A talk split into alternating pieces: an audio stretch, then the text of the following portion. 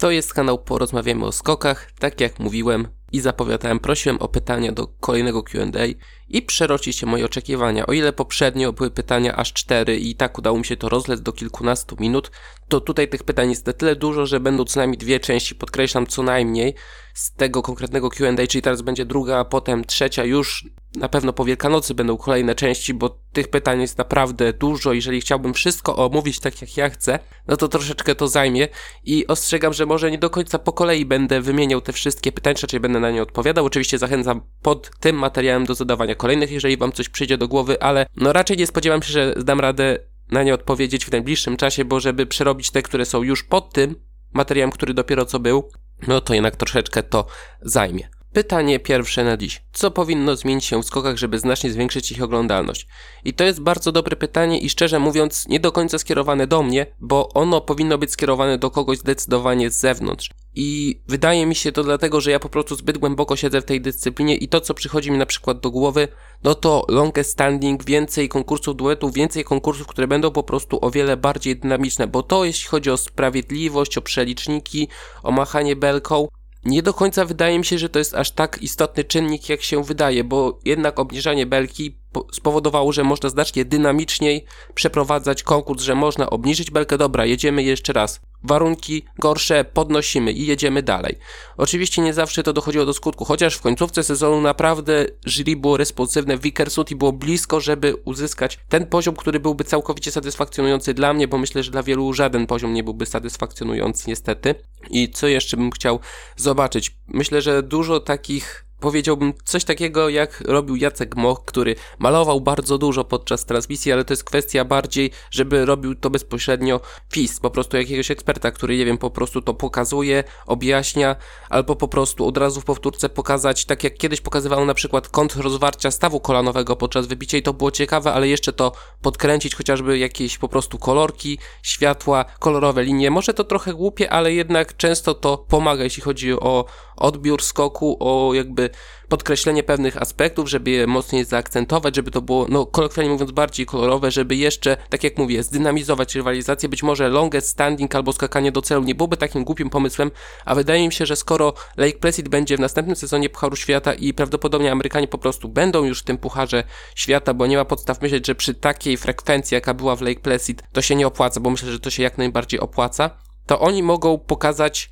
jakieś po prostu nowe pomysły. Coś, co dla nas, europejskiego punktu widzenia, jest nie do końca oczywiste, może być dla nas być może nawet delikatną herezją, z tego właśnie bardziej tradycjonalistycznego podejścia, no to wydaje mi się, że tutaj mogą po prostu paść ciekawe pomysły, nawet nie takie, które nam przychodzą po prostu do głowy, nawet w drugim rzucie można tak powiedzieć, tylko wydaje mi się, że tam po prostu możemy zobaczyć coś nowego. Tak jak mówię, longest standing dla, powiedziałbym, kibiców, jak najbardziej się sprawdza w Ameryce Północnej. Wielokrotnie, chociażby w Iron Mountain, już po konkursie, dobra, stawiamy belkę w lesie, kolokwialnie rzecz ujmując, i masz po prostu ustać. I tam na tej skoczni, która miała HS chyba 131 albo 133, skakano do 145 metrów, bo dało się po prostu te skoki ustać. Jestem ciekaw, czy ktoś spróbuje to zrobić, bo dla topowych zawodników, no, ryzyko konduzji będzie dość duże, ale tak jak mówię, to jest coś, co może po prostu uatrakcyjnić jeszcze widowisko. Ja nie mówię tutaj o jakimkolwiek sprawiedliwym konkursie, bo to nie o to chodzi, tylko o to, żeby to widowisko było bardziej atrakcyjne i w moim przypadku y, jeżeli chodzi o warunki chociażby, no to paradoksalnie to powoduje, że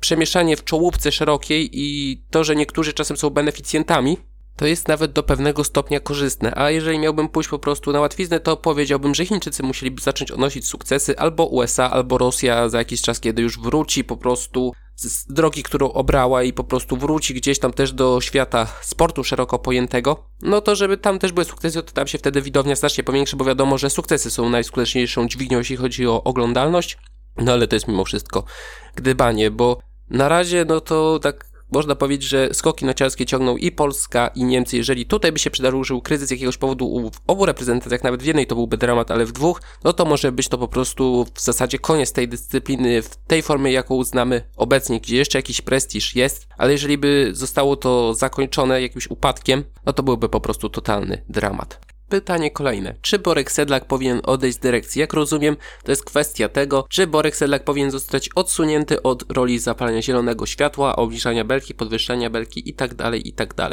w mojej opinii nie, ale zaraz wytłumaczę dlaczego.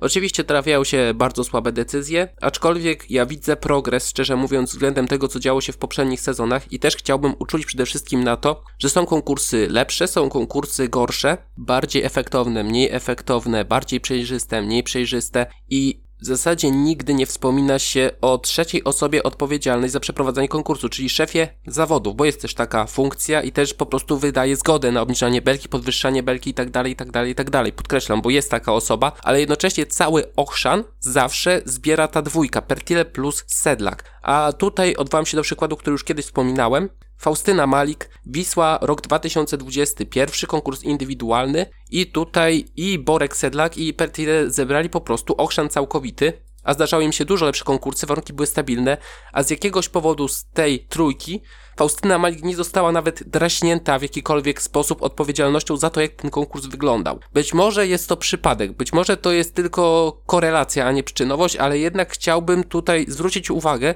kto po prostu jest tym szefem zawodów, bo jak mi się wydaje, większości osób to zwyczajnie po prostu umyka. A co do samego Sedlaka, wymienienie Sedlaka nic by nie dało, bo to do pewnego stopnia trochę tak, może to jest trochę zbyt y, brutalne określenie dla Sedlaka, ale to trochę tak jak po prostu paląca się czerwona lampka, która sygnalizuje jakiś dość poważny problem. No i co robimy? Zamiast naprawić problem, postanówmy, że po prostu wymienimy sobie żaróweczkę na nową, dalej będzie mrygać, ale po prostu wymieniliśmy żaróweczkę, co jest oczywiście bardzo istotne i godne pochwały, ale powiedziałbym, że tylko na krótką metę. W każdym razie ja oceniam pracę Borka w ostatnich tygodniach sezonu bardzo pozytywnie. O wiele bardziej pozytywnie niż większość środowiska, podkreślam. Drugi konkurs Wikersund, tam było dużo placy belką, były niestabilne warunki, ale Sedlak wraz z Pretile, wraz z szefem zawodów naprawdę w większości przypadków trafiali. Oczywiście Wellinger w kwalifikacjach trafił źle z warunkami, to prawda, czy Eisenbichler, ale całościowo naprawdę wyprzedzić, udało się po prostu wyprzedzić większość tych zmian pogody, żeby nikt nie był podkrzywdzony. I dla mnie, tak jak mówiłem to wiele razy, machanie belką jest po prostu potrzebne w tej sytuacji. Jeżeli tutaj jest po prostu niechęć, to momentami aż mi ręce opadają, bo to jest na zasadzie, ja chcę mieć ciastko, zjeść ciastko i po prostu jeszcze trochę więcej. Tak jak czasami Kacper Merk, to po prostu nie wiem, co on by chciał.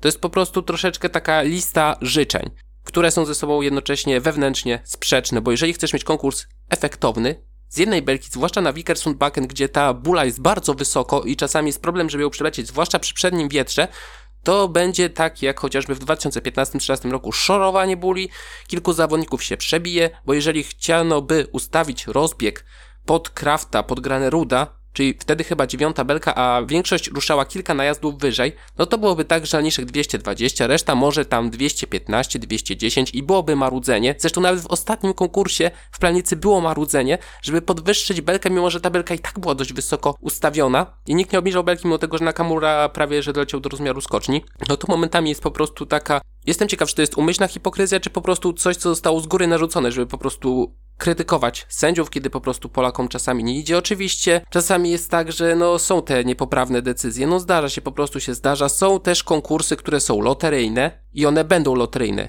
I to, czy będzie Bolek, przepraszam, Borek Sedlak, czy będzie to Tepesz, czy będzie to Hofer, czy będzie to ktokolwiek inny, nie wiem, Jakub Kot na przykład za tym panelem, to niczego nie zmieni, bo przecież te warunki są tak niestabilne, że to po prostu nic nie pomoże.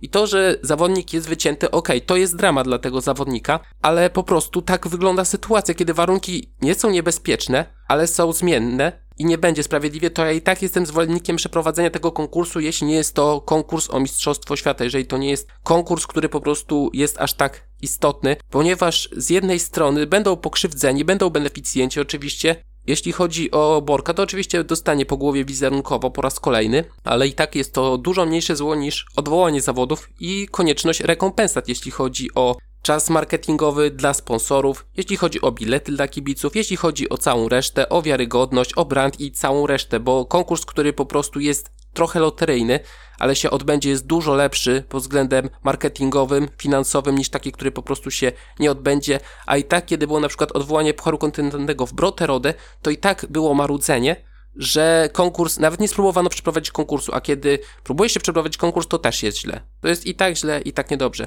Tak uważam. Ogólnie pracę Borka Sedlaka i ogólnie jego i Pertile w końcówce sezonu oceniam naprawdę bardzo pozytywnie i nie zgadzam się z tym, żeby po prostu Borka odsunąć, bo chyba po prostu problem jest troszeczkę gdzie indziej, być może nawet w samych kibicach, którzy mają no nierealne momentami oczekiwania względem sportu, który jest rozgrywany na świeżym powietrzu. Taki to był główny bohater miniaturki. Pytanie kolejne, kogo wstępnie dypuje do wygrania turnieju czterech skoczni Mistrzostwa Świata w lotach, Pucharu Świata i Row R. I tutaj to pytanie jest naprawdę ciężkie i takie bardzo życzeniowe, bo nawet po LGP już można często w Klingenthal próbować wyciągnąć jakieś wnioski, bo to już często ma jakiś sens, ale jeszcze przed daleko, daleko przed LGP, no to jest bardzo ciężko i to będzie takie luźne typowanie. Zacznę od TCS-u, bo wielokrotnie mówiłem o tym, że Trzofenik przypomina mi Krafta, no to jeśli chodzi o wiek, idealnie składa się, żeby to Trzofenik wygrał turniej czterech skoczni, więc do turnieju czterech skoczni typuję, że wygra to Trzofenik. Jeśli chodzi o Puchar Świata, to myślę, że tutaj odkuje się Linwik. Jest to pewnie życzeniowe,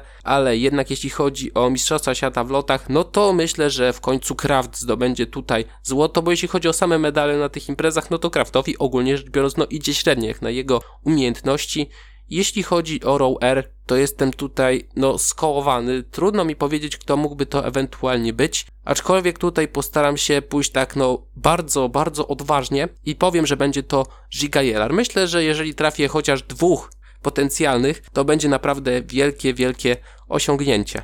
Pytanie kolejne. Kto moim zdaniem był największym zaskoczeniem na plus, a kto najbardziej mnie rozczarował? Jeżeli chodzi o zaskoczenie na plus, no to mimo tego, że Wellinger no, prezentuje jakiś potencjał, w zasadzie ogromny potencjał, to nie spodziewałem się, że on dobije do takiego poziomu w tym sezonie, że będzie siódmy w generalce, że będzie zwycięstwo po długiej przerwie, że będą podia, że będzie wicemistrzem świata. Dla całej brędzy niemieckiej to on jest zdecydowanie najlepszy. Nie spodziewałem się tego powrotu, że on będzie tak spektakularny, bo w zasadzie jest to jeden z najlepszych sezonów w karierze po tym szczerku, który jest wielokrotnie wspominany poza czołą 30 w Fiskapie. No to jednak to jest wielki powrót, naprawdę wielki powrót. Jeszcze brakuje tylko tego, żeby było podium generalki, bo on już był bardzo blisko w sezonie 16 16-17, tylko w zasadzie konkurs Wikersund, gdzie wypadło Row R, w ogóle wypadł wtedy z podium, jeśli dobrze pamiętam, przepraszam, nie wypadł, był na trzecim miejscu, ale ogólnie wtedy właśnie też zamknęła się droga przed nim, bo Tande był w średniej formie, a on był do złapania, a wtedy Weniger go nie złapał, ale ogólnie jeśli chodzi o zaskoczenie sezonu, no to chyba jego stawiałbym na pierwszym miejscu, mimo tego, że miał dobre skoki gdzieś tam wcześniej już,